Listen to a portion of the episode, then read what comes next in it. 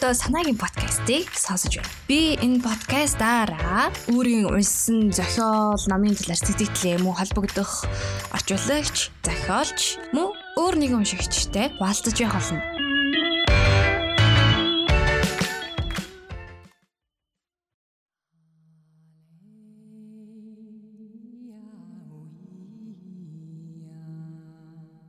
Жилийн 100 сүүжийн голын хүндийг шар цоохор ирвэхийн зуд нүмерч билээ.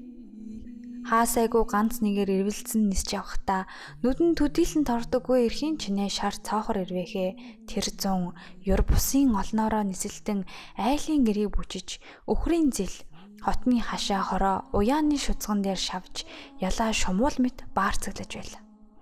Ирвэхэгийн чензэр амтан ховрын үзэгдэхтэл нүд чимдэг аж. Харин баасны ялаа шиг шаваар нисэлдэж малын хүлд гიშгтэн үхрийн зэлийн шаварт наалдан хөлөөр нэг цогорт хороо нүд ядраана. Сүнжид маа тэржил 17 нас хүрч байлаа. Айрын бол эд исч уруул шимчгнүүлэх ар цармын амтд тошлог юм бол болцсон гүйцгийн амсар дээр яваа томоогүйхэн тэр бүсгүйд хар зөнгөөрөө байхад л гарт баригдан няцрах шар цоохор ирвэхийн зууд харин ч зугаатай хөдөөгийн нэгэн хэвийн амьдралд өнгө будаг нэмэх шиг содон санагдаж байлаа.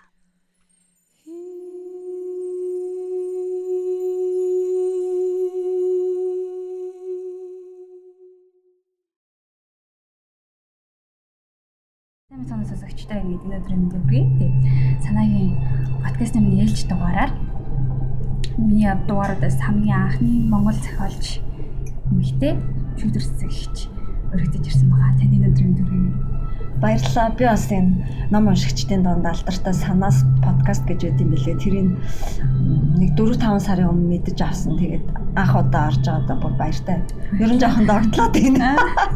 Баярлалаа. Хамгийн анх таны зохиолыг Анаа хатан уншиж байсан. Тэгэхэд чинь би 10 жил байсан баха. 10 жил тест. Манай нөгөө ховдын эрдэнэ сумын өөлтийн хөөлдөн баггүй тэгээд галдан бушиг таан гэж айгу тэгдэг. Гэтэ түүхэн юусаа ярьдгүй байсан. Зурган нэжтэй үн хүндтэй. Тэгж байгаа л нөгөө таны номын гэрт авчирсан. Тэгээд кино гарсан. Тэгэл айгу баярлалаа гэж дамжуулаарай гэсэн шүү байна. За баярлалаа. Чамд анугаас ямар мэдрэмж төрсэн бэ? тэр үед нөгөө 10 жилдээ тэдэн он тэгжээ тэгжээ гэл нэг тийм хөл төхөн уншдаг байсан. Унаас Тэгээ тэр үед яг хүний амьдралын эмэгтэй хүний яг хатан хүний дээр туулах зовлон ч юм яг хаан төрийн ойлголт тийм яг мэдэрчсэн. Өнөөдөр гэхдээ энэ дугаараараа голчлон даны сүүл гараас агцшгүй ам аюу имзэглэмээр байсан маш их имзэглэмээр байсан. Хоёлаа гэсэн юм ярьж исэн. Түүх бол дандаа гонхтой байдаг. Бид нар яг миний үеийнхэн ч юм уу залуучууд түүх сонирхоод ямар хэрэгтэй юм бэ? Одоо ингээл гоё одоо ер нь бол аюу хөрө буцсан. Дэмжлээс дээлдэг залуучуудаас байгаа л та. Гэхдээ дийлэх нь ийм хандлага яваад байгаа нэг хоронтой ч юм шиг. Тийм дүрстэй. Стори хэлбэгдүүлэлт гэдэг тэгээд яг тэдэн он тэгжээ тэгжээл гэснээс биш хүний амьдрал дээр яг яаж буугаад ямар хичээлээс гараад ямар хэцүү олон нас хэдрээд аюу имзгэлсэн юм. Та гэхдээ энийг хэдэн оноос бичиж гэж утсан бэ? Энэ тэр сүнжтмаа гэд гол баатар шүү дээ. Тэр нөхрийнхөө ханаас Орос руу явж байгаа. Тэр түүх нь бодит хүний түүх. Би 18 настай байхдаа 1989 онд үгүй Ирхүүгийн их сургуулийн сэтгүүлчийн ангид явсан. Тэгээд очихоор гадаадынхны групп гээд Лаос, Камбож, нөгөө юу Африкийн нэг орны байсан. Тэр нь Ботсвана байлуу. Тэгээд Афганистан, Монгол гээд нэг хэдэн тийм орны хүүхдүүдийг нэг дорс нэг групп болгодог. А Оросуудтай болохоор нөгөө монголчуудын поток гэдэг урсгал лекцэн дээр л ангийнхаа оросуудтай нийлдэг гэсэн баггүй. Тэгээд тэр поток лекцнийх нь хичээл нь Оросын орон зохиол, дэлхийн орон зохиол сэтгүүл зүйн түүх гэдэг ийм хэдхэн хичээл дээр нэлдэг бос бүх хичээл дээр орс хэл мэл гэх мэт хичээл дээр нөгөө нэг хэдхэн тийм нэг гадаад хүүхдэд нэлдэг. Тустай ангид хичээл ордог. Тэгээд орсуудтай ордог тэр потокийн хичээл дээр миний хажууд нэг аюу хөрх юм жижигэн биетэй. Тэгээд энэ цав цагаан царайтай хүрэн өстэй орс охин суусан байхгүй. Тэгээд нөгөө ер нь цагаан арснууд чинь арс нь улаан байдаг штэ. Орсууд бол илүү цагаан. Ягаад тэгэхээр их холилдсон хүмүүс. Гэхдээ тэр охин бүр хитрхи цагаан байсан байхгүй. Тэгээд хүрэн өстэй ямар хөөрхөн охин бэ гэж бодоод чи ямар хөөрхөн юм бэ? Нэрж ин гэдэг гэсэн чи Елена гэд.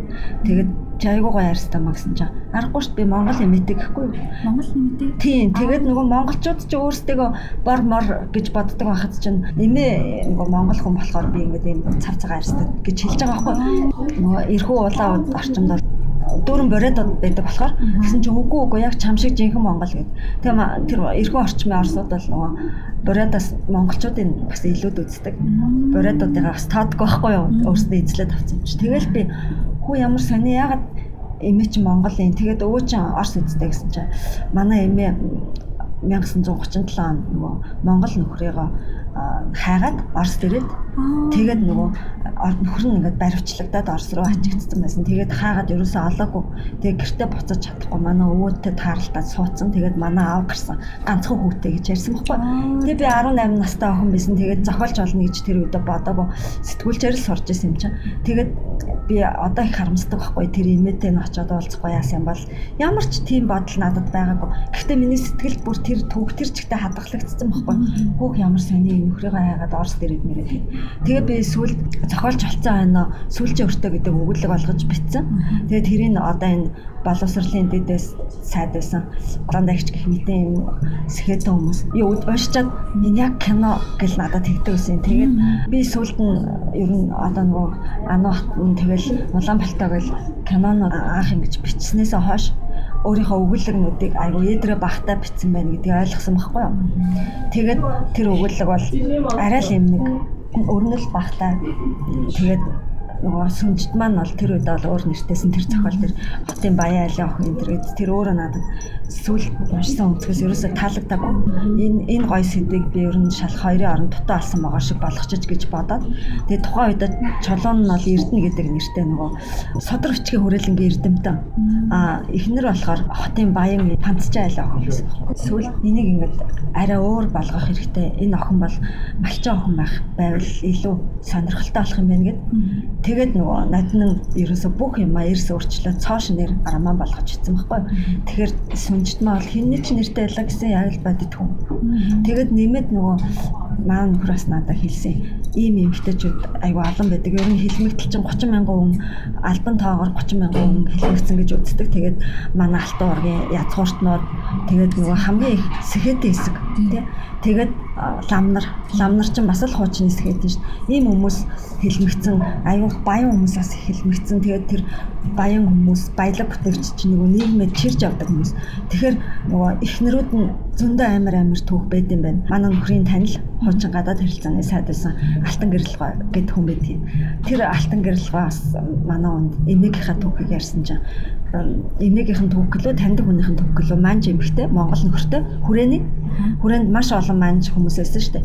Тэгээд бас нөхөр нь ингээ баригдаа авцсан чинь тухайн үед хүрээнд байсан баян Америк хүний хувийн онгоцонд бүх алт мөнгөө тушааж агаад хөлөглөөд Оросд очиж исэн гэж байгаа шүү. Манай сүнжт магаас ч амар байгаа ч тий. Тэгээд бас нөгөө эмэгтэй хүний хайр гэдэг чинь бас тийм л байд юм байна. Тэгэл тийм юмнууд сонссон болохоор би энэ зохиолыг илүү хурц олгож чолон нь бол одоо жинхэнэ тэр эрхүүд байсан манай ангийн Еленагийн одоо эмээгийнх нь нөхөр ямар хүн байсныг мэдгүй ямар ч гэсэн хэлмэгцнийг бодоход нэлээ ингээд тэр Монгол ардын хасгалт намынхны анхааралд өртгөцөл хүн байж тараа нэг жирийн амтныг хэлмэгдүүлэхгүй шүү дээ. А сүнжтмээ бол байдаг таахгүй. Тэгээд энэ хүмүүсийн сэтгэлд аваа хүрээд байгаа юм болол гэж бодоод байгаа шүү. Тийм. Би тэр ном Монгол яг нөө төрсөн гэрээ орхиод явдаг сэтэр бүр ингэ стресстэй тэгэхгүй юу. Яг ингээд Монгол эмэгтэй хүн чинь тэгэл 18 наснд баг хүрээгүй шах тий 14 10 богтлогддог. тий богтлогдоод зүгээр юу хайр сэтгэл авахгүй зүгээр нутуу усныхаа гайгүй гэсэн үгтэй л шууд сургаал тий ээж аав лам гороо яа шийдэрээ тий тэгээ бас ямар аюултай нөгөө сүнчтмаа ингээд мал хариулгаад танихгүй залуу ирээд дараа санах гатдаг ч юм бас. Одоо бас нэг тийм юм ярихгүй эсвэл таад өдрийн чинь ингээд яг би тэр үед бас тийм насн дээр тэгж амьдарч байсан бол яана ямар ч хамгаалтгүй тий. Тэгэл тэгэл бас тий тэр хөдөөгийнхний амьдралд бас тийм амир юмнууд байна шүү дээ. Одоо ч байна шүү дээ. Хоноц гээл тий гэрт нь ирсэн хүн ингээл шөнө оронд нь ороод ирдэг. Тэр болгон ч бас Монгол амьдрал ахуйд байдаг л зүйл ахгүй юу. Тэгээд тэр ээжийн хүлчээд явж штэ. Тэр чинь бол манай нөхрийн эмээгийнх нь бодит амьдрал ахгүй. Айгүй олон хүмүүсийн амьдралаас авч битсэн. Тэрэн дээр бол нөгөө манай нөхрийн өвөө нь өөрөө хадам ээжигээ хүлцэн гэсэн. Эхнэрээ авч явах гээд цэргийн дарах хүн байсан. Битэрийг хорон ихэд тэр өвөө байсан. Эмээл нөгөө ээжигээ хүлүүлсэн эмээ бол байгаагүй. Тэгээд э, тэр хоёрыг суухад нөхрийн эмээ тэр одоо залуухан охин өөрөө малчин байсан юм билээ тийм ээ чинь. Тэгээд тэр утгын нөгөө хилийн цэргийн офицер одоо өвөл ахгүй да хорондоо хүмүүс. Тэр одоо очиод эхнэр болгоод авахсан чи ээж нь уурлаад явуулахгүй байна охиноо. Тэгэхээр нь жинкнээсээ цэргүүдтэй хөлж явцсан гэсэн. Аваа явцсан. Тэрийг би тэгээд чулуун хүлхэрж угаасаа чулуун очихгүй шүү дээ. Гэртэн тэгэхээр хөршийнх нь өнөр хөлөөлцөн болохоос тэр өөрөө боддог байхгүй. Тийм л амир хөрсөн үнтэй суулахгүй тэгэл бас яах гэж чижсэн тий. Хөрсөлтөө нэр хамаг хүчин шавхал.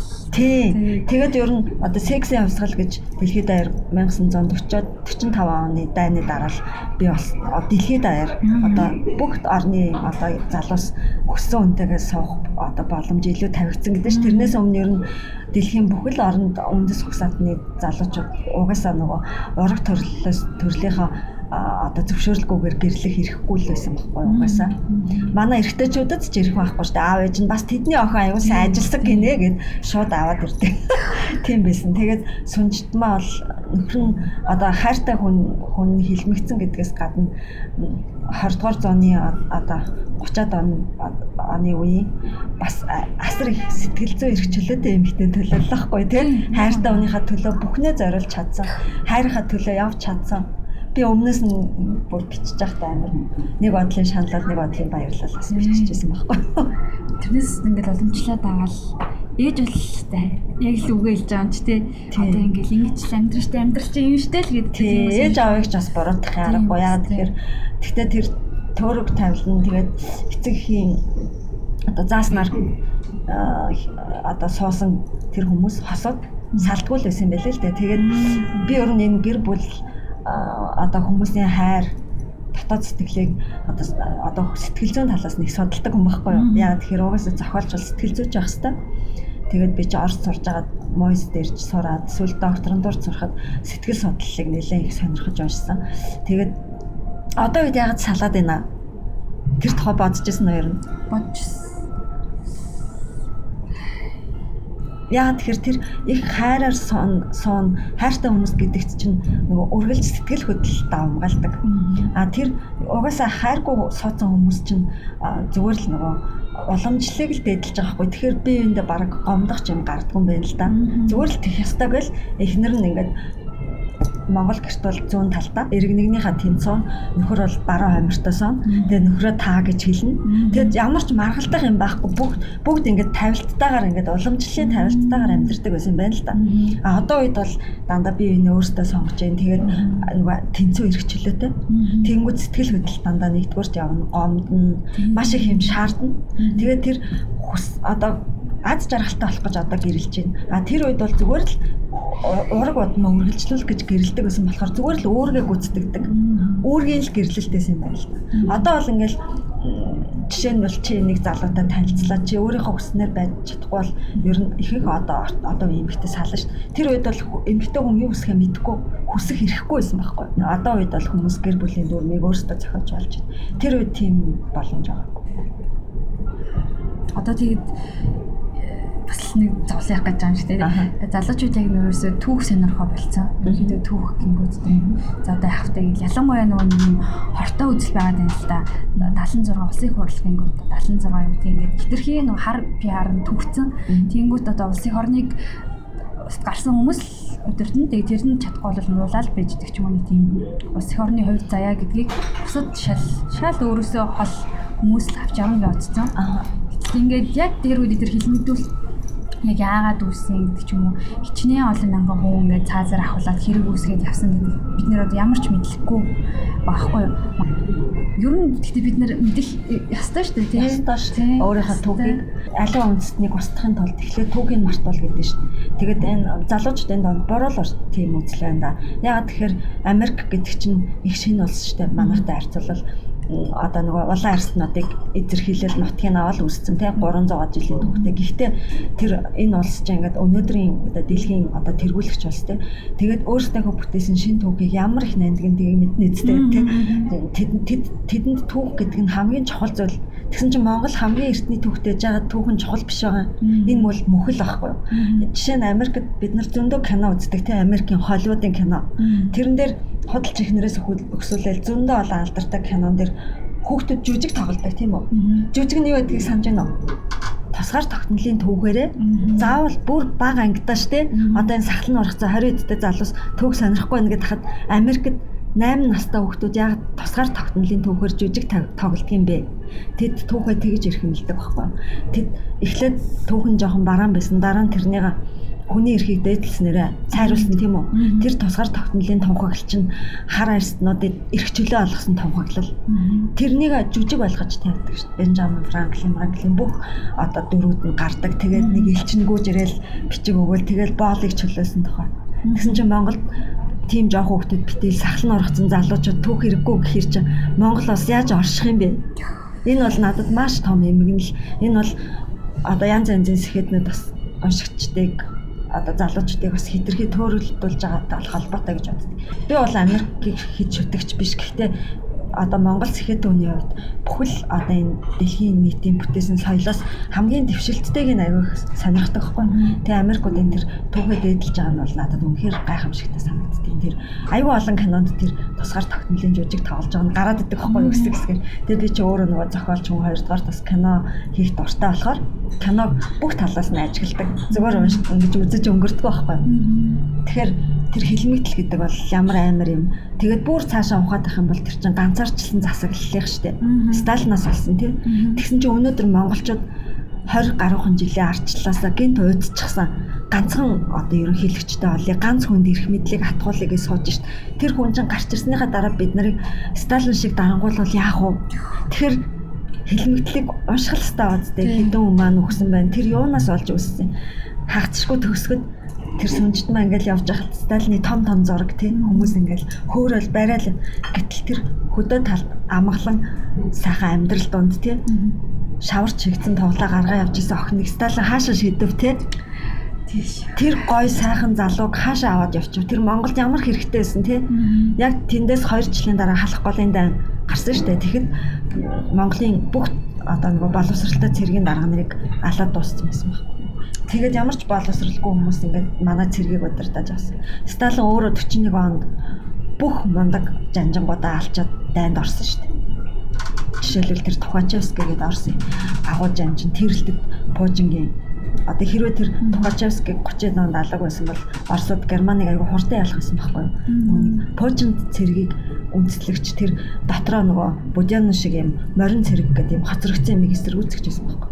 Тэгээд маш гоё залуу байсан.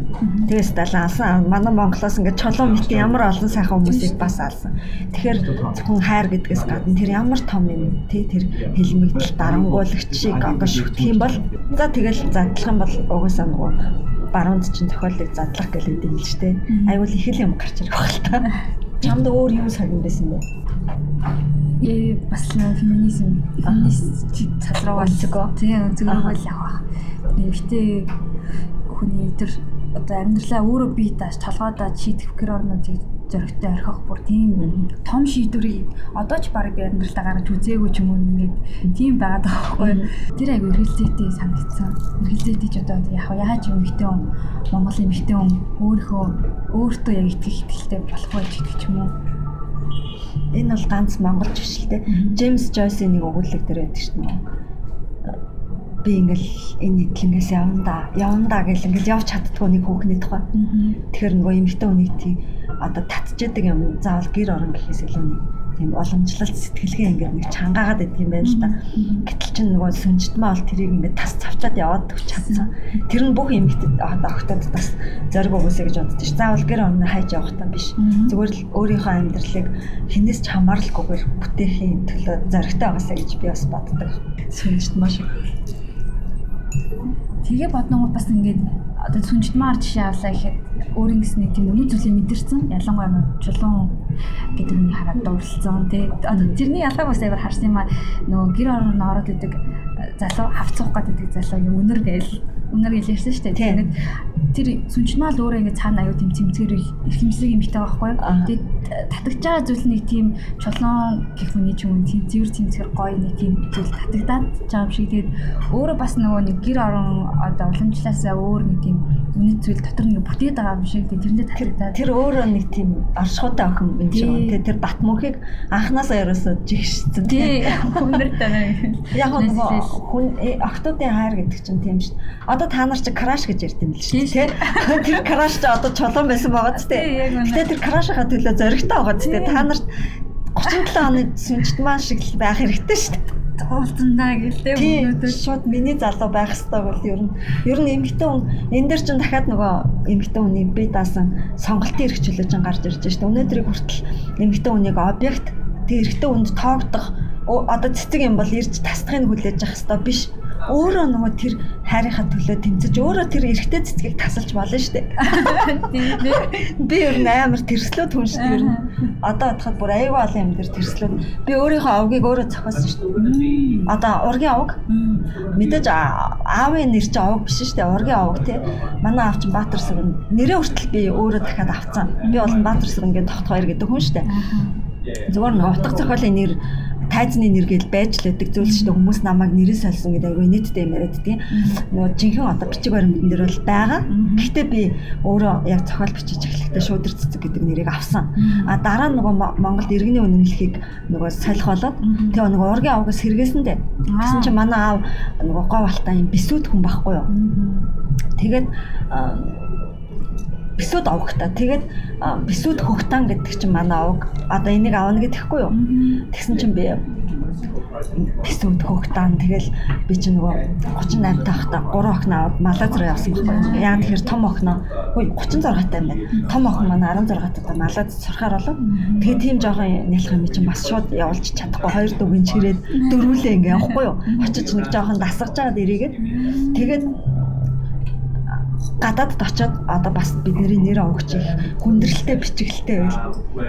Ай хэцүү гэдгийг ойлгосон байхгүй юу. Тэгээд буцаж ирээд байжсэн чинь нөгөө овгоо ингээд үнэлхэн дээр тавих болоо. Тэгээд би аавда аа би яг надад өгч авмааргүй. Гэхдээ би бүгдийг тэмдэглээд авчи. Тэгээ бисүд хөгтөн авахта бүх хүн одоо манай огийн хүмүүс гээд би мэдээд авчин хүүхдүүдтэй хэлнэ гэдэхгүй гэсэн чинь манай аав ингээл сонирн болол юу ч хэлж чадахгүй тэгсэн чинь би аавын аавын чанар уу гэдэг хүн байхгүй юу байсан. Тэгсэн чинь би чанар уу аваад авлаа гэсэн чинь аав юу ч хэлж чадахгүй аавынх нэрийг авчиж байгаа юм чи яах. Тэгээд би яагаад тэр аавын аавын нэрийг авсан гэхээр миний өвөлдөө тэг би хизээж хараагүй нөгөө аавыг хортой хахад нас урсан болохоор би хизээж хараагүй тэр өвөөгөө. Гэхдээ нөгөө бүх хүн байсан. Нутагтаа аяга алдартай цэргийн арслан, цэргийн наадмын арслан хүн байсан гэсэн. Тэгээд аавынхаа нутагт очихоор дүүр манай уугийн дом гэдэг байхгүй юу? Ийм том чолоо, үхэр чолоо манай уу чанарав зан өргсөн л гин. Тэндээ хахаар нэг чоныг хайж авч байгаа чоныг ингээд нөгөө ташуураараа цохиж алсан л гин. Тэгээд нөгөө аавын одоо ээж нь бас аав юм дөрвөн настай байхад нас орсон. Тэгээд нөгөө маш ухаантай одоо нөгөө том биетэй бүх хүний чинь ингээд одоогийнхоор бол батцсан эмгтэй ээж л те. Маш царайлаг жижигэн биетэй. Тэгээ аав маань надад тогтгоо иргээд нөгөө ээжийнхаа нэргийг баяр залгаад өгсөн байхгүй юу юм төвхтэй. Тэгээд их нэртэй айгу хайртай тэр жижигэн эмгтэйг бороонд норчин гээд нөгөө дүүрээ тавхиж явдаг хүн байсан гэж байгаа. Тэгээд нөгөө өвлжээ хаваржаа бүх юмыг зөвхөн их нэрээс асуудаг. Тэр надад айгу таалагдсан болохоор нэгдүгээр их хүчрэхэг нутгаар дүүрэн одоо нөгөө домог одоо маань өнгөрцөн бахад л өвөөгийн манд амаг одоо ч байна. Хоёрдугаар тийм хүчрхэг байж одоо ямар хөгийн ирчүүд байна те их нэрээ заддаг дагвар хүүхдэд заддаг гэсэн чинь манай өвөө одоо ингээд хүмүүсийн домгийн ярианаас үзэхээр метр 90 байсан байлээ. Тэгээд одоо тэр өргөжсэн чулуугийн дөрөв эрэгт ундаадгүй байхгүй юу. Тийм хүчтэй ээж их нэртэй тийм хайртай. Миний идеал байхгүй юу. Тэгээд би өвөөгийнхаа нэрийг хоёрдугаар тэр нөгөө нэг санскрит хэлээр алс хол гэсэн утгатай. Тэгээд бид бидний хүсэл мөрөдөл дандаа л алс хол байх хэвээр тий. Тэгээд би нөгөө өвөөгийнхөө нэрийг овог олгоод авсан чинь манай аав юу ч хэлж чадаагүй. Гэтэ би төдөө чинэл дураараа хүн байхгүй да. Одоо би чанар руу овогт байхгүй. Тэгээд нөгөө аавдаа хэлсэн би яг хоо эмхтэй юм чинь тэгэл энийг би ингээл хүн хөтлөө зүүн. Тэгээд би гадаад явах маах ингээд чанар руу овогт гэсэн чи аав өөрийнх нь аавыг тэгж мөглөж байгаа болохоор баярлаад юу ч хэлж чадаагүй. Тэгсэн чинь би чинь гурван эрэгтэй нэг эмхтэй дүүтэй. Тэд нар бол бисүүд хогт данаал аавны эцтэй тий. Тэгсэн чинь нөгөө би чинь гэртээ айгу нөлөөтэй юм болохоор ч тэр юм уу. Манай дүүнэр бүгдээрээ чанар руу авцсан. Одоо бүгдээрээ үе удмаараа чанар руу овогт. Тэгэхээр би болохоор уран зохиолын нэрээ авсан овгоо ингээд өөрөө гэд үргэлж тийм өөрийнхөө ертөнцийг бий болгож амьдардаг тийм хүн байхгүй юу? Тэгж босгож. Тий. Тэгэхээр би охтуудыг бас тийм л аваасаа гэж хүсдэг. Мэдээж нөгөө Симон Добовар өөрөө айгу хүчтэй эмэгтэй гэж нэг дандаа юм ахуудаа баригдсан Франц эмэгтэйчүүдийг битсэн л гэдэг. Тэгээд уншигчд нь та өөрөө дайвар хүсдэг битсэн юм хүчтэй хүн гэж таны баатрууд ягаад ийм номхон дорой ийм эмгтээчүүд аа гэсэн чинь би эмгтээ хүний ямар байхыг биш ямар байсаар ирснийг битсэн гэж хэлсэн байлээ. А би болохоор аль болохоор бас ямар байх вэ гэж урам зориг өгөхийг хүсдэг. Яагаад гэвэл амьдралаас босд эмгтээчүүдийг харж байгаа юм чинь тийм шүү. Тэгээд бусдаас өөр эмгтээ үе үед байсаар л ирсэн тийм. Манай эрнээс өмнө хүртэл эрдэмтэй эмгтээ байж байгаа цаацлуулж лээсэн. Тийм болохоор би бас арай тийм садан эмгтээчүүдийг бичих дуртай. Стаа садан шүү. Тэгж л сүнжид маг битсэн. Тэгээд та нар шиг охтод одоо тэр кранш мараша өөртөө битээ ингээд хүлээгээл суугаад байгаасаа гэж би бүр боддیں۔ Яг тэгтэн шүү дээ. Тийм тэр гойс тэр сайхан залуу ч юм дээр өөр нэг охид чөрүүлжүүл яах вэ? Ер нь боломжтойсэн байхгүй яг тэрэн дээр сүнж маа өөрөө очиж Тэгээг бол тэр өнгөрөө байхгүй юу? Тэгэл бат мөгтөө суугаад бодоо шүү. Тэгэл амьдрал нүл гоник болно шүү дээ. Одоо ингээл таны түүхийг ч гэсэн сонсоод сонсогчноор ч гэсэн аюу уран зориг авч байгаа хаа. Тийм л байгаасаа гэж хүсэж байна. Яагаад тэгэхээр эмэгтэй хүн дүүргэлж эргэлзээ төрдөг тийм үү? Чам тэгдэг үү? Тийм шүү дээ. Эрэгтэй хүн ямар ч эргэлзээ авахгүй шүү дээ. Ир хүн чинь хямрлаг, мондаг, хүчрэхэг өрх гэрийн тэргүүн тэр хүнээр бүгдийг аваглана. Би дорой юм болоо гэж бодох шалтгаан байдаггүй байхгүй юу? Тийм. А эмэгтэй хүнийг бол төмөө эргэлзээнд донд ингэж ийшин тийшин чангааж байдаг байхгүй юу? Тийм. Ер нь анзаарчихдаг шүү дээ. Ингээл яг эрчүүд юм би авч явж байгаа байдал ч юм сонголт хийж байгаа шүү ирс ирс. Тийм.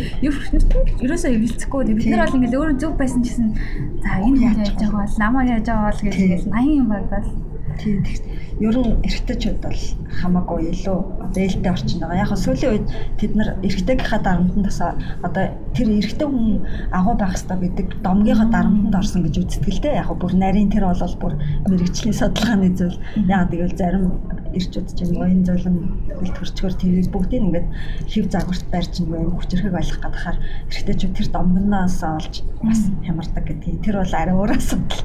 Тийм баг. Тэгээ нөгөө би саяхан амиа орлолт нэг сэдв бас сонирхоод сэтгэл судлалын тэгэл сэтгэл готрол ял. Тэгсэн чинь нөгөө дэлхийн хүн амын тоогоор дэлхийд ирчүүд Монгол гуравт явж байгаа гэсэн амиа орлолтоор харин тийм нөгөө тэрийг манайх ойлгохгүй байгаа шүү дээ. Үнэхээр янз янзын төрчөд хахад тэд нарыг бүгдийг нэм агуу баатар бараг Чингис хаан бай гэдэг хар чинь зарим нь тийм байж чадахгүй шүү дээ. Тэгээд сэтгэл готрол арх гэл тийм юм бас болол Тэр ч одоо битэрийн сэтгтэй бас нэг холбоотой биш юм л да. Гэтэ тэгж үзэн одоо мэдгүй өмнө нь бол тэгээд бас амиа орлон мал нэг ойлголт байсан гэсэн байхгүй л байсан бах юм харцангуй баг. Одоо тэгээд яг би нэг болохоор нэг үндэсний уламжлал гэх юм үнэ зүйл алдагдаад тэр нэг тийм сүнсээ алдаад гэх юм уу. Тэгээд амархан юм их шантраад байгаа л гэж бодоод тийм хардлага төрөд байгаа. Жишээ нь ингээл яг хил мэдүүлтийн үеийн түүхийг Тэг яг цудлаад ингээд уншингууд чинь бас амар гамч тийм болон хүнийг хэл мэдүүлсэн. Тэгэд маш олон зүйл ингээд салхинд хийсгээ явуулсан байгаа байхгүй юу? Уламжлал бас уламжлал бас тийм тийм юм ч бас байна. Сэтгэлийн устсан баг. Жишээ нь хамгийн ойр гэх юм бол би яг нийт уншигчдын зүйлсүүдэд чадахгүй л те. Яг миний хувьд гэх юм бол манай ээжийн өвөө нь слам хүн байсан. Тэгээд хэл мэдүүлэлтэнд өртөжсэн ярьдаг байхгүй? Тэгээд бас ингээд а чинь бас манай үеэлд одоо онготтой ах байгаа. Онгоцтой тэгээд бунгууд бас яг тэр үеийн түүхийг ярьдаг. Ер нь айл болгонд яг дэшээ ингээд өмнөх үе бодгоо дандаа гэр бүл нь улс төрийн хэл мэдүүлэлтээс одоо нас орсон тийм хүмүүс байгаа байхгүй лам зэхэд ингээд да Монгол жижигхэн болохоор хэн нэг нь өртөөгүй айл үлдэг баг. Тийм. Тэгээд 30 мянган гаруй хүн гэдэг чинь тэр зэхэд ингээд яг өнгөрсөн хугацаанд бол бид нар яг тэр алдсан алдагдлаа яагаад алдсан бэ гэдэг бодох хэрэгтэй ч юм уу одоо тэр заавал миний хувьд юм бол гэр бүлд маань тийм түүх байгаа учраас аюу их сонирхож уншсан. Чам шиг ингээл ийм гадаад ном ном уншсан. Тэгээд бас арай л юмыг сонирхолтойгоор хардаг хөгч гэсэн надад санагдаад байдаг болохоор санаа бодол бас сонирхолтой юм л да. Таны бас ярмаар байгаа зүйлээ ярил гэж бодож байна.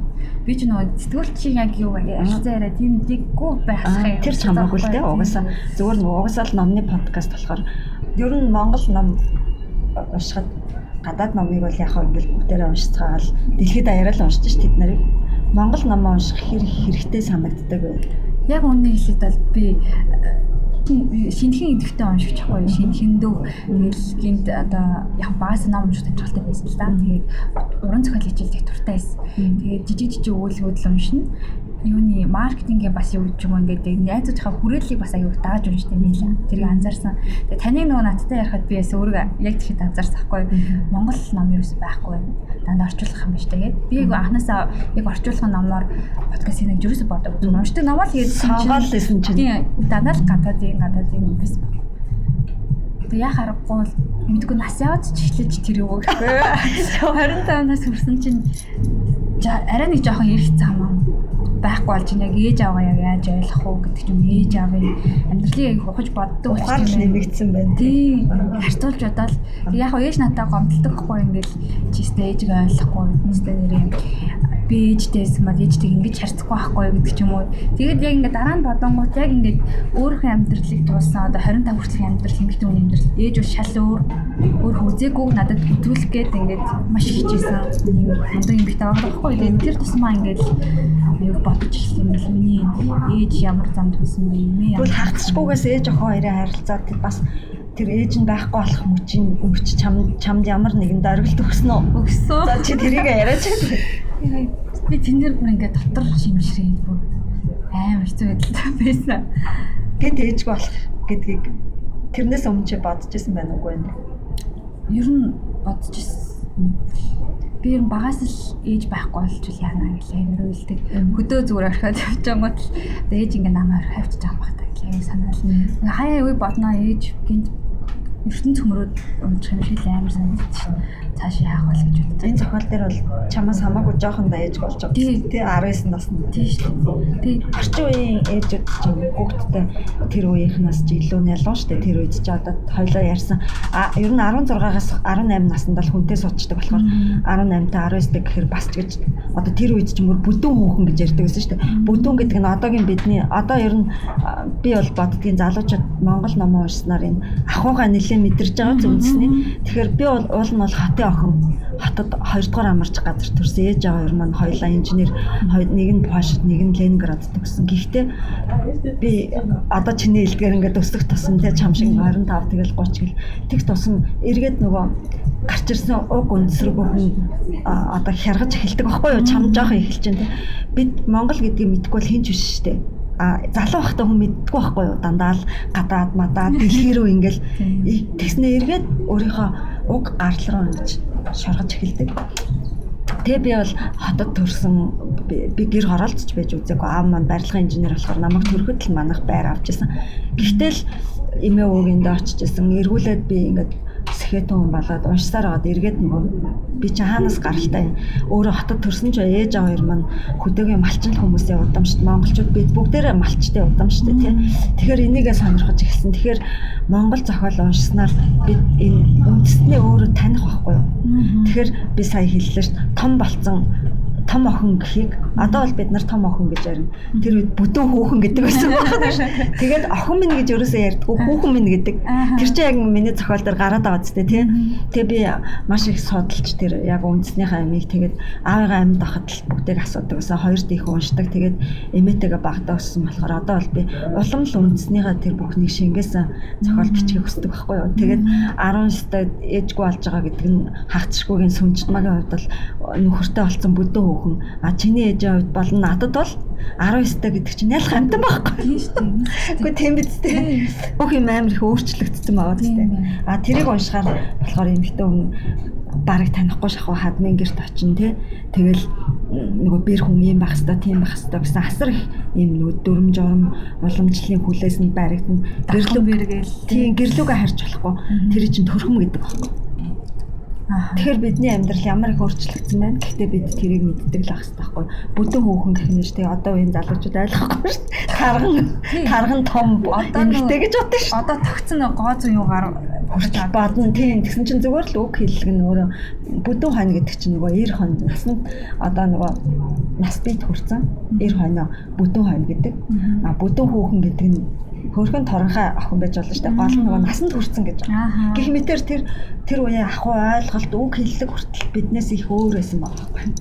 Тэгээ бас гоё гоё хоног манай монголчууд бас нэг тийм боломжлын жоо харьгаа чимж санагдчих яг үндсэндээ нэг юм тийм ялган биш. Тэгэл бүдүүн хөөхөн гэдэг л тий. Их бие даалгачдаг. Тий, бие даалгачдаг. Надад нэг уншигч бас хэлжсэн нөгөө хагцшгүй дээр нөгөө нэг хатад өвгөн гараад байгаа. Тэрийг нөгөө анх удаа Монголын зохиолоос тийм эрэг эрэг дүрийг олж авлаа гэж байгаа юм. Гэтэл чин тэр олон мянган хүн чинь сайн хүн зөндөө байгаа шүү дээ. Гэтэл бид нар одоо дандаа муугаар бодож исэн байх нь. Тэгээд бас манай өнгөрсөн үеийн баг бүх зохиол төр хэв шимж дүрн зөвхөн данжаад хятад л гардаг дээ. Гэтэл тэр чинь зарцнаар марцнаар энгийн хятадууд зөндөө байгаа шүү дээ. Тэгээ яг хятадуудын яг ёс суртахууны хүмүүжил нь күнзийн сургаал дээр явдаг болохоор маш их ёс журамтай хүмүүс шүү дээ. Би бол юмыг угаасаа массист хөгөөс дандаа өөрөөр хардаг гэсэн. Мэдээж бид хятадд дуусч болохгүй ч гэсэн тэдний тэдний одоо үндэснийхэн сайн тал тэр урлаг соёлынх нь агуу гэдгийг бол өгөөсгөх өгөөсгөх боломжгүй. Би бол сэхэд хүн болохоор зүгээр нэг годомжинд явж байгаа массын хүн шиг ээ хужаа бид нарыг ирээд идлээ гэж гэхээсээ илүү тэр үндэстнгийн давуу тал бүтээсэн тэр соёл урлаг дэлхийн 6 том соёл иргэншлийн нэг штэ. Тэр талаас нь их хардаг. Тэгээд дашд орж нацаг дорж одоо манай манай Монголын шинэ үеийн орон зохиолын үндэслэгчтэй нацаг дорж алтан ургийн тааж байсан. Тэгээд ер нь манай тэр язгуурт хятад соёлд бол нэлээ нэвтэрсэн нэвтэрсэн хүмүүс байсан шүү дээ. Нацаг дорж чинь хятад манж хэлтэй. Тэгээд тэр харанхуй хад энэ төр дээр нь ханз манз гэл хятад ахуй гардаг. Тэгээд яг хаагцшгүй дээр тэр зүгээр тийм энгийн л нэг хятад хүн зүгээр л сайхан сэтгэлтэй тий сүнжт маань зүгээр л ахмад хүн аав нь юм шиг хандж байгаа гардыг тэгээд тэр нь би дүүлгэсэндээ ч зүгээр л тийм хүн зөндөл байгаа шүү дээ угаасаа. Хүний л дөр юм чинь үндэснээсээ гадна. Тэгээд тэр цэвэн хоор энэ дэр жоохон феминист юмнууд ажиглагдсан. Тэр цэвэн хоор дээр чамд ажиглагдсан уу Тэр яран дундаас та нарын чи их сайхан юм а. Эмэгтэй хүн ажил хийгээд амьдарч болдго юм байна. Бидний үед тийм байгаагүй болохоор л хятадтай амьдарч исэн шүү дээ гэж хэлдгийг санаж байна уу? Дэлхийд даяар эмэгтэй хүнд цалинтай ажил ер нь байгаагүй шүү дээ. Монголд бол огт байгаагүй. Тэр чинь ингээд ер нь тэгээд нөгөө баруунд яагаад зохиолыг задалдаг вэ гэхээр тийм л өгдөг байхгүй юу? Бичвэр чинь маш их юм агуулдаг. Тэгэхээр үнэхээр тэр завхаа өгнөд гэж шүүмжлэлээдэг. Тэр үед эмэгтэй хүн хийх ажил байгаагүй байхгүй юу? Тийм бааз. Тэгэхээр хөвчлөөж байгаа. Тий, эргчлөөж байгаагүй. Тэгсэн чинь сүнжтмээ болохоор ирээл цэвэрлэгч хийгээл тий, үйлчлэгч. Тэгснэ дараа нь тэр бараа бааз бас яруу гээл тий. Эсвэл тэ нөгөө бичиг хэсэгтээ олонгоотоос альбан тушаалан дээшилчихэж байгаа тий.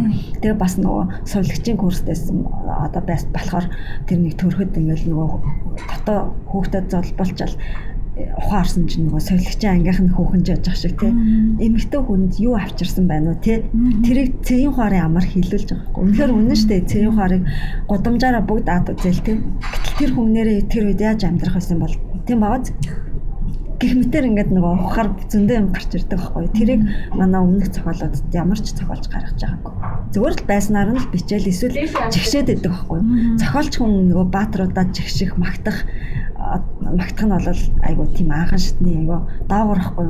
Зүгээр л тэр баатруудын амьдрал нь эсвэл амаар нь өөрсдөө тэр асуудлыг тий нийгмийн гүнд байгаа юмыг олон ярьж ах хэвээр. Тэгж би боддیں۔ Тэрнээс биш өөрөө энэ нөө муухай амт энэ ма завхаа авгаа гэд тэгээд иж болохгүй. Юм бүхэн нөгөө гэрэлтээс өдөртэй байдаг болохоор тэгээд залуу хөлтөд тослох. Яг гэвэл нөгөө дахиад эргэжтэйчүүдийн сэдвээр ороход ирчүүд чинь би эндээ дандаа тосолж андын нөхөрлөл нөхөртлийн үст. Тийм, замуух Чингис хаан хоёр чинь алтан бүсээс салцчихсэн. Тэгээд Чингис хаанд Ван хаан эхнэрийг булааж авчирч өгсөн. Тийм үү? Аа, эмэгтэйчүүд тэнд дандаа л ийшээ тийшээ булаагдаал гараад байгаа. Тэрнээс хоёр эмэгтэй би эндээ тосолсон бүсээ салсан юм байна уу? Айгүй олон судлаачдын бичсэн юм байдгийг нөгөө хэдэн мянган жилийн өмнөх эмэг эхчүүдээс илүү их эрхчлөө боломжийг 20 21-р зуунаас авсан болохоор бид тэр уламжлалаас өөрөөр амьдрах хэрэгтэй гэдэг байхгүй юу? Ер нь бол би феминист хүн тэрнээс ерөөсө тэрнийга нуух ч юм уу тийм байдгүй тэрийг нуугаад ахарч тийм хичмэр зүйл биш шүү дээ. Энд чинь зүгээр л гоё хүмүүнлэгээ үзлэхгүй. Монголчууд нэг ахтар дэвшилтэд юм шиг мөртлөө нөгөө талаас нэг их хоцрогдсон хүмүүс шүү дээ. Зүгээр эрдэл юм үзэл санаанаас айддаг. Тэрийг чи бараг тоолсон юм шиг үлээ. Би нэг пост хийж байсан.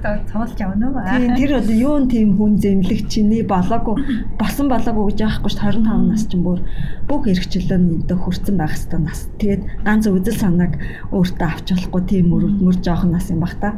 Би бүр гайхсан шүү дээ тэр хоцрогдол. Бараг залуучуудаас ирсэн гэвэл зарим залуучууд миний бодлоор харахад айгүй залуу мал юм хэлбэр хүмүүс мөртлөө үзэл санаагаараа нэг өрөөдмөр хоцрогдсон харагдаад шнэ одоо. Тэгэхээр ер нь их уншиж л хүн ер нь урагшлан доо. Тэгээд миний хувьд ийм подкастыг Монголд нэвтрүүлээд номыг ярьж байгаа ярьж байгаад надад чамд айгүй баярлалтай шүү дээ. Баярлалаа. Номонд анхаарал хандуулна гэдэг чи өөрөө зөвхөн уншаад өнгөрөх биш тийм хаваалцж байгаа. Яг тэгээ бодсон ч нөгөө эмэгтэй хүний юу өчрөх болоод болгоод байна гэхээр уламжлалаасаа гадна өөрөө сонголт хэрэгчлээ. Өөрөө бие даа сонголт нөгөө таны хэлгээр тань шиг ертөнцөө бүтээж байгаа бүтээх хэрэгтэй юм байна. Тэгээ яг уншигч гэсэндээ одоо юу гэдгийг зөвхөн одоо ингээд бид нэр өглөө нэвтрүүлэг үзээд ч юм уу зөвхөн ингээд медиагаар гарч байгааг үзээд хүмүүждэг байсан бол бас нэг өөр юмд хүрч юм яг унш ном сонгоод уншина гэдэг чинь бас нэг тийм сонголтын хөвчлөө. Тийм. Санааны сонголт. Нөгөө Bill Gates-ийн зөвлөсөн 5 ном гэмтэр ингээд нэг томчууд ном зөвлөд идэг штэ. Тэгээд манай монголчуудын зөвлөд одоо манай Монголд мундаг гэдэг хүмүүс нэг баахан гадаад мадаад тийм зөвлөсөн байдгийн. Тэгээд монголчууд одоо хүртэл үнэт зүйлээ олоогүй бас хитрхи бусдад яаж харагдаж байгаагаа хэлбэртэж амьдардаг амьдраад байгаа юм шиг надад санагдаад надад тэр их гонигтай санагддیں۔ Одоо их гадаад юм их нэрлснээрээ тэр одоо хүмүүст юу гэж бодогдтол бодоод нь штэ. А гэтэл Bill Gates-ийн 5 номыг харсан уу? Санаа. Та 10 ном зөвлөсөн байлоо.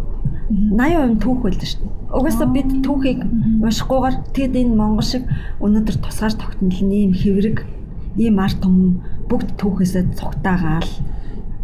Яаж ирээд байгаа бүтээх вэ? Яаж өнөөдөр ойлгохгүй फूक कुगर mm-hmm. Тэгэхээр энэ хэлбэртэлтээс салцгаах хэрэгтэй. Тэгээд тэр чи өөрөө ч бас хүлээлэн шүү дээ. Бусдын дөө өнөр уншдаг. Энэ их муу юм байгаа шүү дээ. Өөрөө сонгох хэрэгтэй. Тэгээд би салангас 2 жилийн өмнө очиход нэг найз маань маань хэлчихсэн. Энэ бестселлерыг манаас сэхэднүүд айгүй шөмжилж байгаа. Яа тэгэхээр нөгөө хүмүүс зөвхөн нөгөө номын юм сонголт хийхдээ залхуураад зөвхөн бестселлерийн тавцангаас л худалдаа аваад байгаа. Номоо аваад байгаа гэдээ ярьжсэн. Тэрнтэй адилхан Монгол аль болохоор өөрөө бодож тунгааж номынхаа сонголтыг хийхгүй бол хитрхи модерхоод байгаа юм шиг надад сан ингээд ажигладаг байхгүй юу? Номын группүүдийг харахаар. Тэгээд хүнд үлдэцтэй юм юу вэ? Нэг юм мундаг ном уншдаг гэхээс илүү тэр номны дараа хүн мэдлэг үлдэх хэрэгтэй байхгүй. Би өөрөө ч номоо бичгтээ тэрийг аягүй их боддог. Жишээ нь одоо миний хүлэн огторгон зац буюу их дагны хүчил гэдэг одоо их дагн дондог долмын тухай ном байгаа. Тэр бол 20 дугаар зууны үед одоо хамгийн хэрэг мэдлэлтэй байсан хамгийн манай манай нэг миллилитр эмхтэй ганцхан их дагилаас одоо гэхаар тэргүй хатагтай байхгүй. Тэгээд нөгөө төвд Монгол бичгтэй. Тэгэхээр эмхтэй мөртлөө нөхрөөсөө тусдаа 28 мянган малтай. Тэгээд нөгөө тэрнийх нь ашиг шим тэр шавья их дагны шавнараас бүх татвараа зөвхөн их дагны санд өгдөг гэсэн байхгүй төрд биш. Тэгэхээр чи нөгөө хөрөнгө нь аривжаад байна да. Тэгээд богд их даг нь хоёрын хамгийн татны санхүүгийн зөвлөх нь нөгөө даалам цэрэн чимдээсэн байхгүй юу.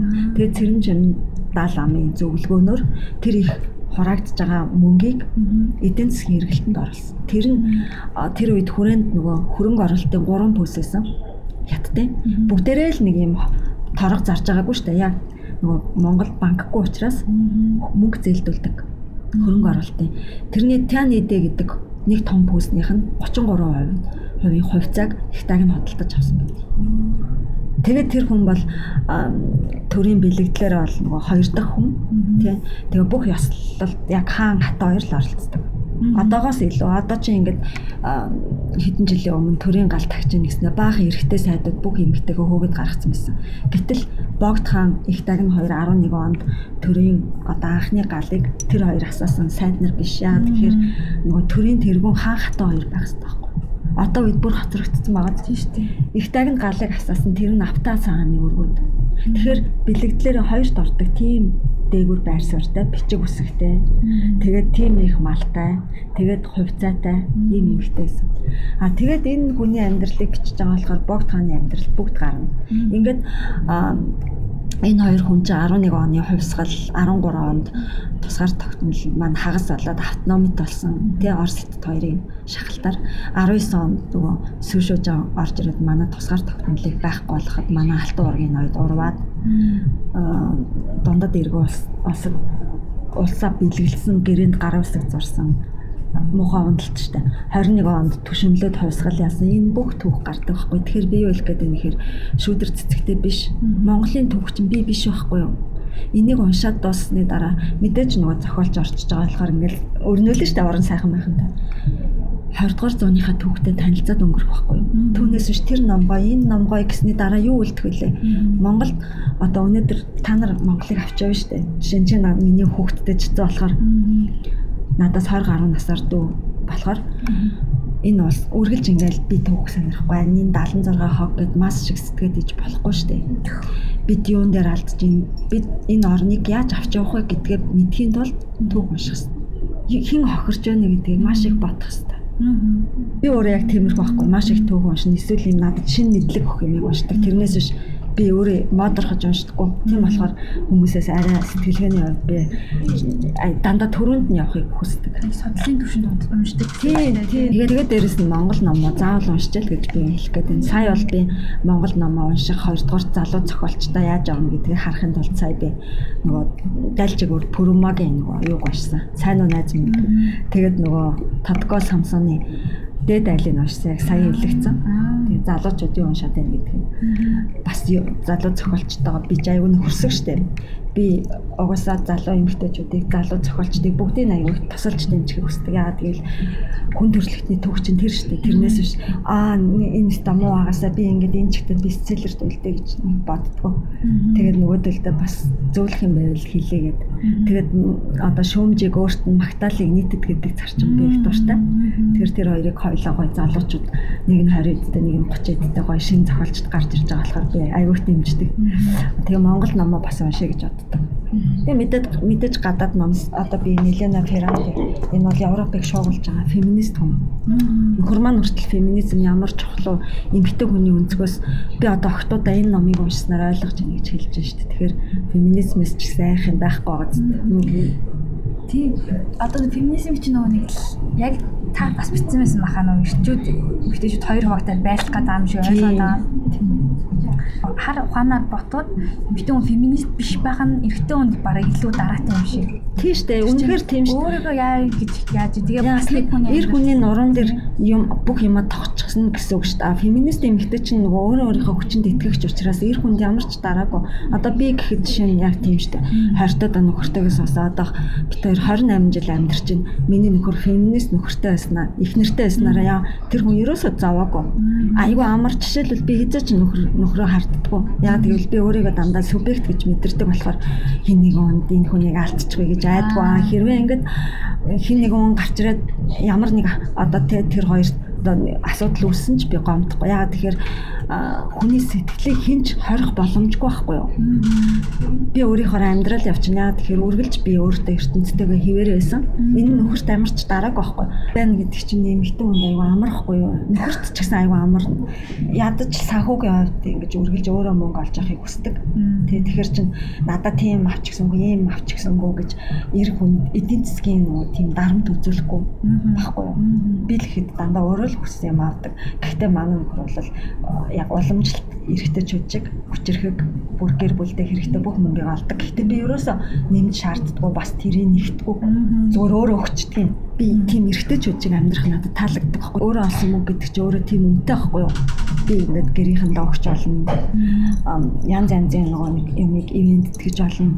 Гэтэл чи нөгөө уламжлалт ойлголтоор одоо хүртэл тэр сургаал яваал шүү дээ хэмнэгч их нэрлэгэн хэрэглэн өндөртэй эмэгтэйгээс ямар эмэгтэйн дээрч тэр эмэгтэй чи юу юм бэ гуйлах чи юм уу бүр надад айгу хошин санагдаад ддаг шүү дээ өөрөө олж чадчихвэл тэр чин бахархал үстэй тэр юу гэнэ нөгөө эр нөхрийнхөө гэртээ харих гэрлийг эхнэр нь насаадаг гинөө тэр ай готмор юм эмэгтэйчүүд яагаад ширэлт юм бэ? Юу гэрэл вэ? Харанхуй авил тэр хар юм хайчих гээд байгаа. Яагаад төрүүлж ирээд гэрэл мэрэл асаах хэвээр шал солиотой юм. Хин хин амжсан л ирэх хэвээр шүү. Хоёрдугаарт гэрэл насна гэдэг нь бодвол хоол унд хийх юм бэлгүй. Өөрөө яриад хийхэд яа гар хөлн тасарч юм уу? Бүр нэг тийм нэг арчаагүй эрэгтэй хүнийг болов арчаагүй болгоод байгаа юм шиг. Өөрийгөө арчаагүй болгоод байгаа юм. Эр хүн хүчтэй юм бол хоол хийх эр хүн жүүч биш. Эрэгтэй хүн чинь тэр эмзэг дорой эмэгтэй хүнийг хайрлж юмыг хийж өгснөөрөө харин ч хүчтэй гэж шинж юм биш үү. Энээс олж зарим хүмүүс бас гадаад хүнийг сонгоод ах шиг байдаг шүү дээ. Тэгэхээр тэр тэд нар нэг илүүтэй биш зүгээр багасаа зүгээр л юмыг хуваалцаж хийгээс сурцсан л сургацсан л идэм байна л да ээжүүд нь.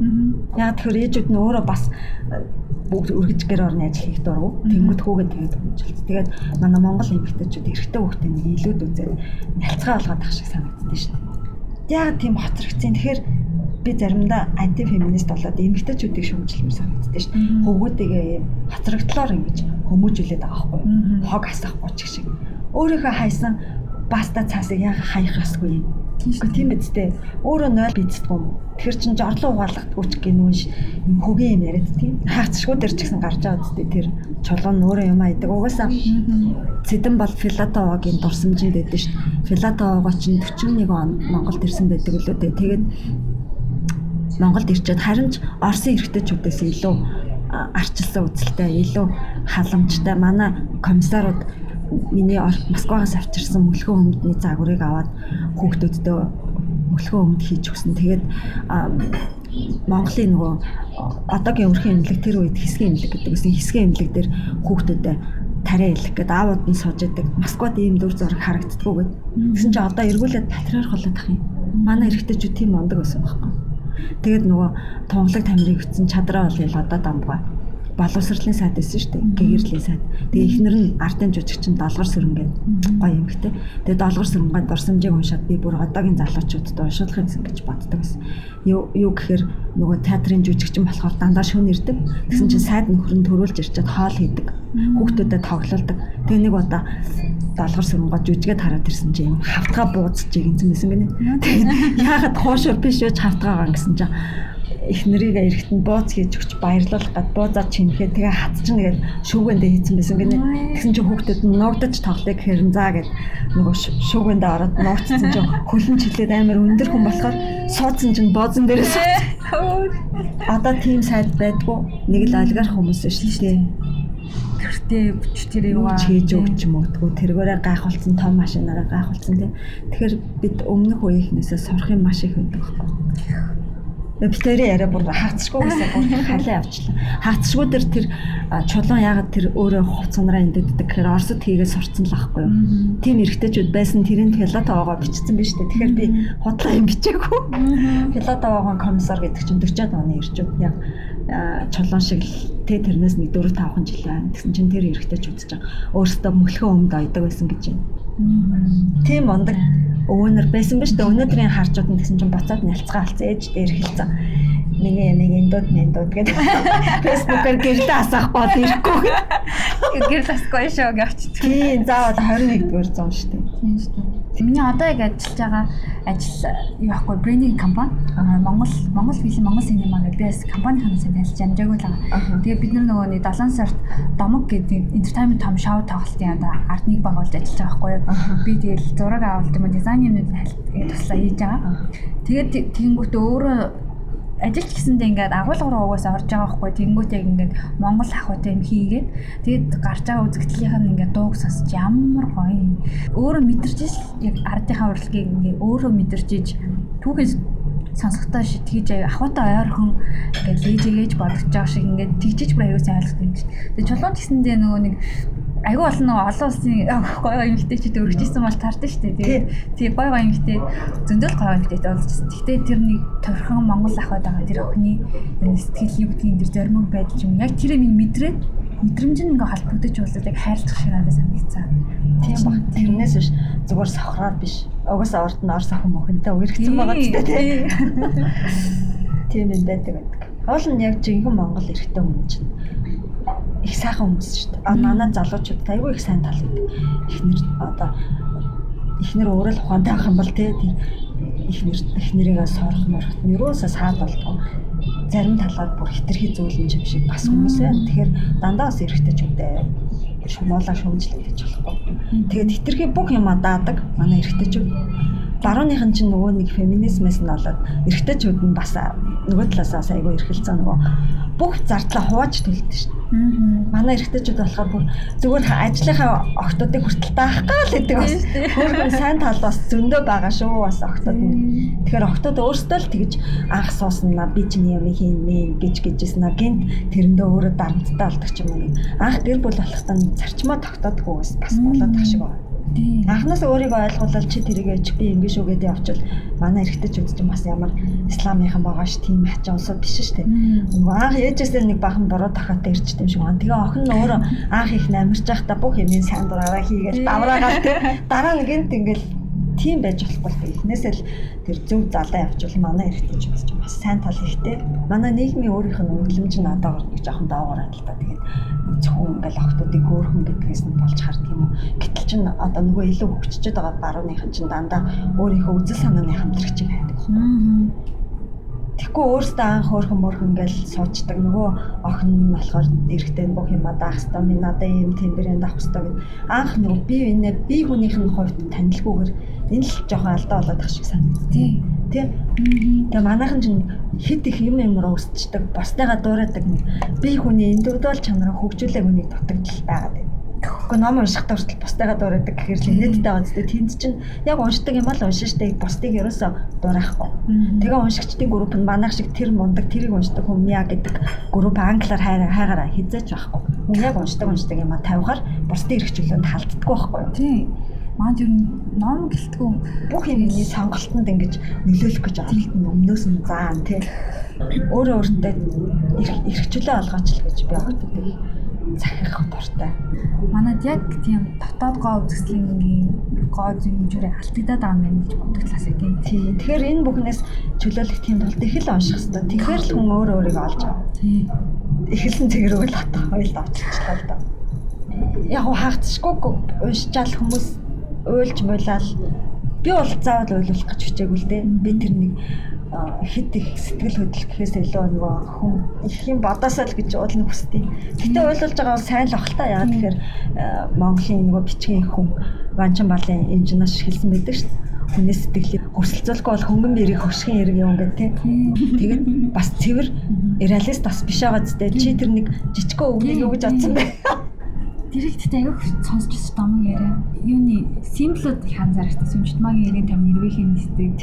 Яг нэг тийм цаанаас зүүн сонгоо даг гэж байгаа юм шиг тийм шидэд бас байгаа. Бодлоос гадна зүүн сонгоо. Тэгэхээр би угаасаа цэвэр реалистаар одоо бичиж чадахгүй мөлий. Угаасаа бид чинь чөлөөт нийгэмд амьдарч намайг 18 нас хүртэл Монголд бол нөгөө философи зөвхөн нөгөө авторитар дэглэмийн одоо нөгөө суурин дээрээс зөвхөн марксист философиг дээдэлдэг. Тэгээ тэрэн дээр нь ахуй нэгдүгээр тухамсар хоёрдугаарт тэгээд бүх юм материаллог ертөнцийг материаллог өнцгөөс тайлбарладаг байсан бол одоо намайг 20 таа байхад ингээд арчилж шилжээд сэтгэлгээ чөлөөлөгдсөн дээ. Тэгээ би өөрөө Оросоос ирээд сүүлд нөгөө их сургуулийн нөгөө докторантурт ороод Монголын бүх том докторуудаар философи заалгасан.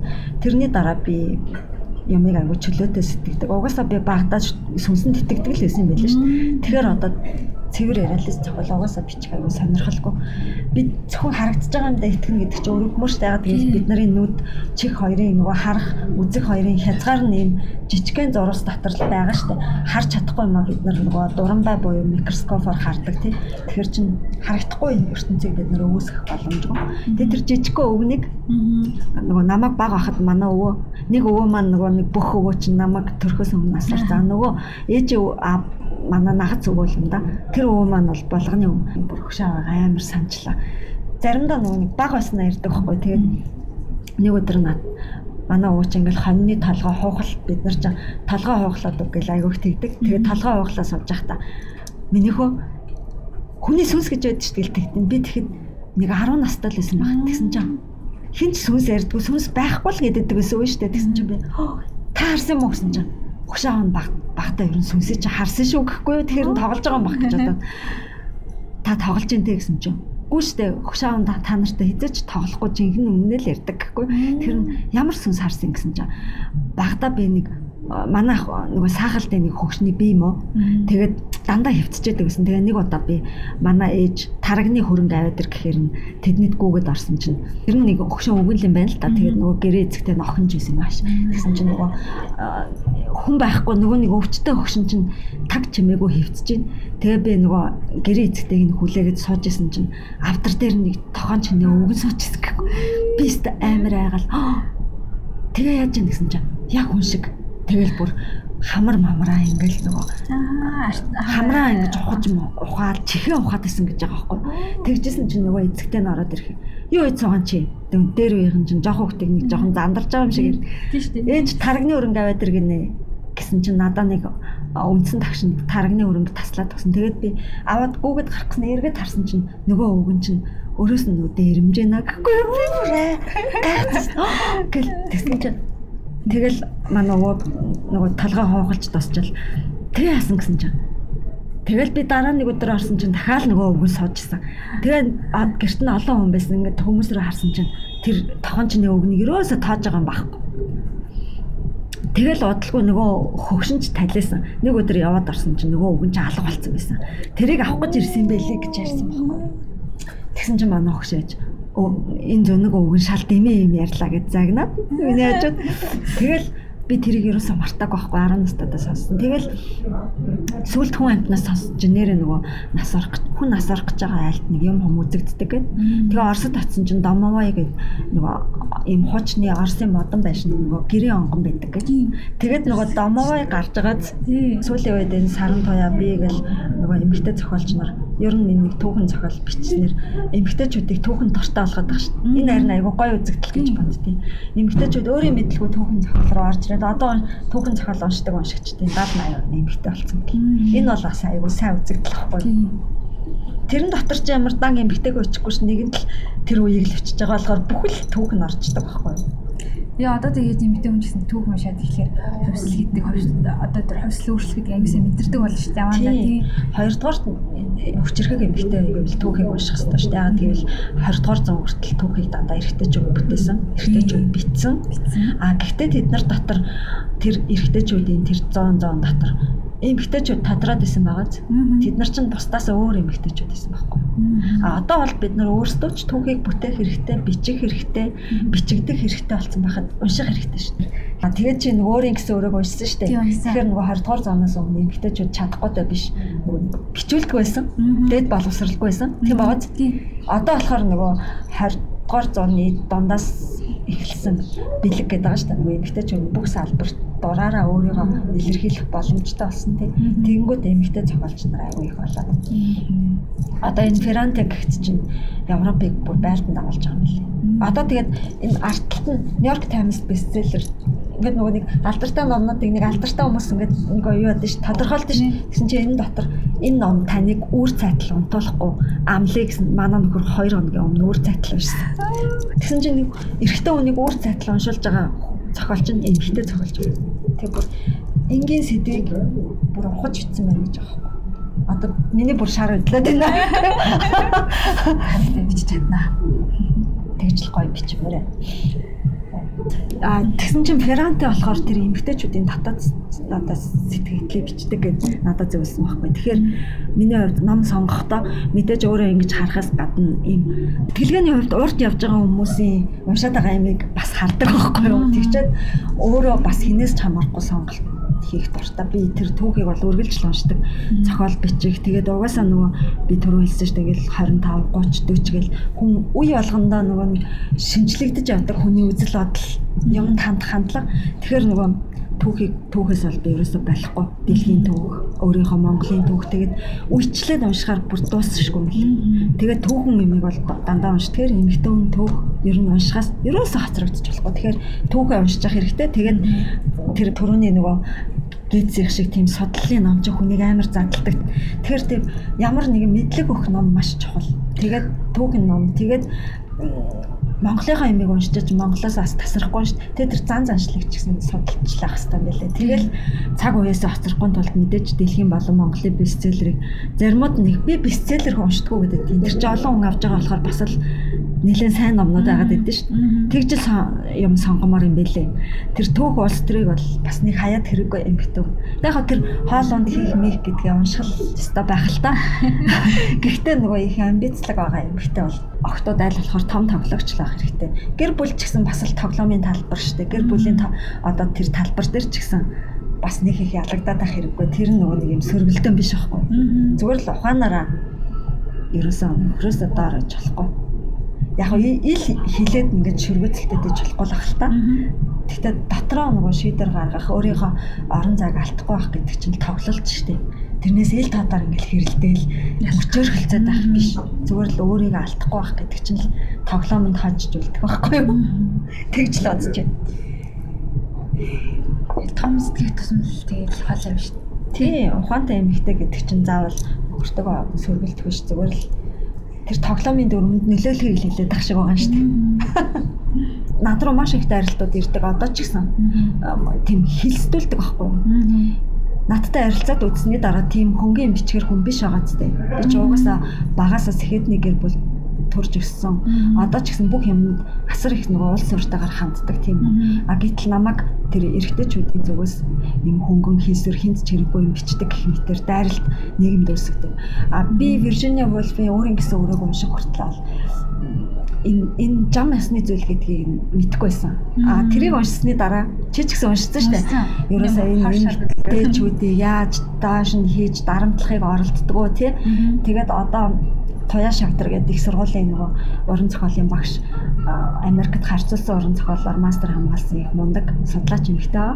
Тэгээд тэр ч гэсэн хэлжсэн а шүүдэр цэцэг хичээ энэ бол иерарх буюу эрэгтэйчүүд энэ засаглалаа алдахыг хүсэхгүй байгаагийн одоо үлдэгдэл та тэгээд өөрөө өөрийн гэсэн өрөөгөө соншоо үсттэй гэж хэлчихсэн. Яагаад гэхээр их сони ажиглалтгаар тийм 1990 оноос өмнөх Монголын уран зохиол маш патриарх ганцхан эмэгтэй арманчтай тэр нь сонмын удал тэр эмэгтэй нь өөрөө ганцхан арман битсэн. Тэгээд ирчүүд л ноёлж исэн билээ. Тэгээд өнөөдөр э, эмэгтэй гэдгээс нь болж их доошоо хийх. Тэгээд хоёрдугаарт бас заавал тэр одоо байгаа нэг юм э, засаглал болж харагдахыг хүсэж байгаа хэсэгт одоо нүр тал болох хэрэгтэй юм шиг байна. Би тэрийг хүсдэггүй угаасаа. Уншигчд надад байгаа учраас би ямар нэгэн хүнээр дэмжүүлж те өөрийнхөө тухай сайнаар бичүүлж тийм тэгж явахыг угаасаа огт хүсдэггүй байхгүй тийм эвэлд орсон эмэгтэй зохиолч нар байна. Би бол тэрийг ерөөсөө хэрэгсдэггүй. Яг гэвэл хүн энэ Монголын хэмжээнд жижигхэн байж болохгүй шүү дээ. Тийм тиймүүд нь тиймэр л юм. Би бол тэрийг хүсдэггүй. Тэгээд өөрийн гэсэн өөрийгөө уншсны дараа миний сэтгэл амарсан. За энэ бол зүгээр жам ясны зүйл юм байна гэж ойлгосон. А тэгээд хүчтэй шинчүүд. Тийм тэгээд намайг хүн эсэргүүц чөмжилж ин гэдэг чинь би тэр хүмүүст том л харагдаж байгаа гэж бодоод би тоодгүй байхгүй. Үнэлдэг ч хэсэг байна, шөмжилдэг ч хэсэг байна. Энэ өөрөө эрүүл үзэгдэл гэж боддог. А уншигчдыг бол би ямар ч хүмүүжлэгчээр биш өөрийнхөө л тэр номоо сонгосоо л гэж одоо хамгийн одоо энэ подкастны төгсөлт хэл төгсгөлд нь хэлмээр Монголд байгаа шүүмжлэгчд бол жинхэнэ одоо Нью-Йорк Таймс-ийн шиг тийм жинхэнэ мэрэгжлийн бас шодрог байж чадахгүй байгаа хгүй. Би тэр шүүмж уншсан. Тэгээ би үнэхээр яг задрагаа шинжилгээтэй яг тийм академик юм уу тийм тайлбарсан бол би амар хүндлэхээс юм магадгүй. Гэтэ данш тийм юм баагүй л. Тийм. Хоёрдугаарт яг тэгээд яг тэр шүүмжээр тэр хүмүүст амьдрах санхүүгийн ямар ч орчин байхгүй болохоор ажиллаад ахаар зүгээр өөрсдийнх нь танил талыг бол магтаал гэж юм л. Тэгээд Монгол өөрөө зах зээл нь маш жижигхэн болохоор жинхэнэ нөгөө нэг шүүмж судлаач нарын оршин байх хөрсөн байхгүй. Тэгээд бас тэр өөр айгу доогоор боловсралтай мэлээ. Тэгэхээр тэгэл байж л байхаас тий бол нэг сонирхгүй харин одоо Горки их сургуульд яг өдрийн ангид Оросуудын сонгон шалгаруулалтаар анхны эмэгтэй судлаач явах гэж байгаа. Тэгэхээр жинхэнэ судалгаа шинжилгээ өндөрт гарах байгаа. Тэгээд тэр туяа шагдар мэтийн жинхэнэ мэрэгжлийн хүмүүст хүн амьтнаар ингэж нэг хүн амьтныг доошоо хийж зав байхгүй бүр дэлхийн дэлхийн том том төсөлтэй гэдэг юм билээ нөгөө англи хэлтэй. Тэгээ бүр том том антропологийн төсөл мөсөлтэй байдаг гэсэн. Тэгээ хоёрдугаарт туяа бол жишээлбэл нөгөө Оксфордын докторант тахгүй юу? Тэгээд тэр ёстой зарчим нэт юм билээ шүү дээ. Энэ Оксфордод, Кембрижид олж авсан мэдлэгээ далимдуулж өөрөөсөө доод түвшний мэдлэгтэй хүнийг одоо дорд үзэхгүй байх гэдэг тангарахтай байдаг. Тэгэхээр манай Монголоос төрсэн Монголд байгаа хүмүүс ямар одоо төвшөнд байгаа нь харагдаж байгаа зү. Тэр тэр хүмүүс бүр тэднэрийг ч хүртэл ингэж шүмжлэхийг хүсдэг. Яа тэгэхээр тэр Оксфордын одоо төгсөгчийн ёс зүй баг тангарах шиг. Тэгээд тэнд олж авсан мэдлэгээр бусдыг гайхуулах, доош хийхийг одоо эрс татгалзах хэрэгтэй гэсэн. Харин өөрөө өөртөө илүү их өөртөө том шүмжлэгч ах хэрэгтэй. Өөрийгөө би тэгээд одоо жоохон шаардлагатай байгаа чи тэр байхгүй дандаа нөгөө илүү урагшилж те илүү сайн бич.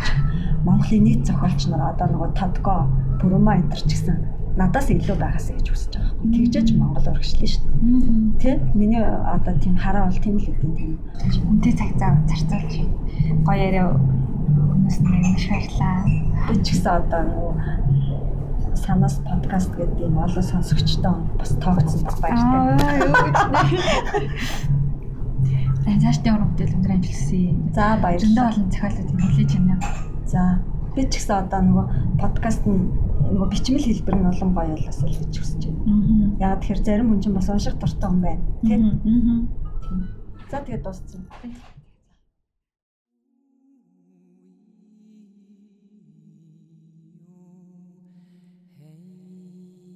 Он жилийн уртад чулууны гих дээрх хайрын гал нь бөхсөнгүй эмгэн чулуунтайгаа хамт ахуулсан зураг гарган мойнисэн гартаа барьж чамдаа удахгүй би очноо гэж үрчгэр уруулаар шивнэв. Өөдөөс нь мөнхөд 27-тай амраг нь цоо ширтгэж. Приморскийн хязгаардах эзгүүрсэн Пишной тосгоны оршуулгын газрын мухардах он жилийн уртад дагтарсан овгор шорооны өмнө сүнжидмаа тэрүүн гудайлхан зогсно энэ булшин дор амрах хайрт нь мөнх нойрсч буй. Түүндээ 51 жилийн өмнө амлсан ёсоор хайртайгаа Орос орны зүүн хязгаардах эзгүүрсэн тосгоны хаягдсан оршуулгын газраас олоод иржээ. Тэр авгар шороон булшин дээр Монгол гэрэл үсгээр бүгд найрамдах Монгол ард улсын иргэн ахлах дислэгч зэвгийн чулуун гэж сийлсэн гантик чулуун хөшөө босч Дээрээс нь тонгоо хөгшин улаангар модноос шарлсан навчис хийсэн унаж байл.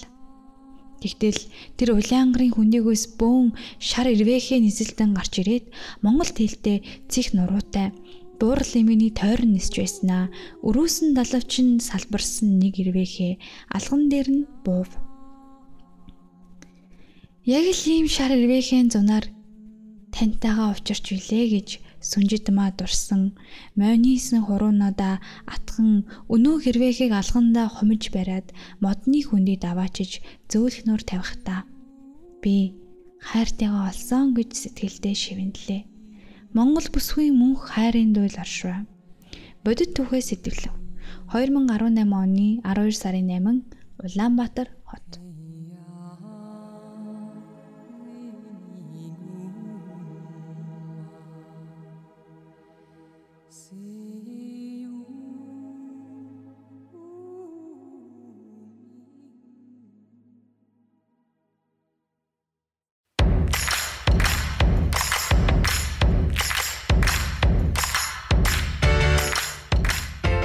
Одоо санаагийн подкастыг сонсож байна. Би энэ подкастаараа өөрийн уншсан зохиол, номын талаар сэтгэлээ мөн холбогдох орчуулагч, зохиолч мөн өөр нэгэн уншигчтай хуваалцаж явах болно.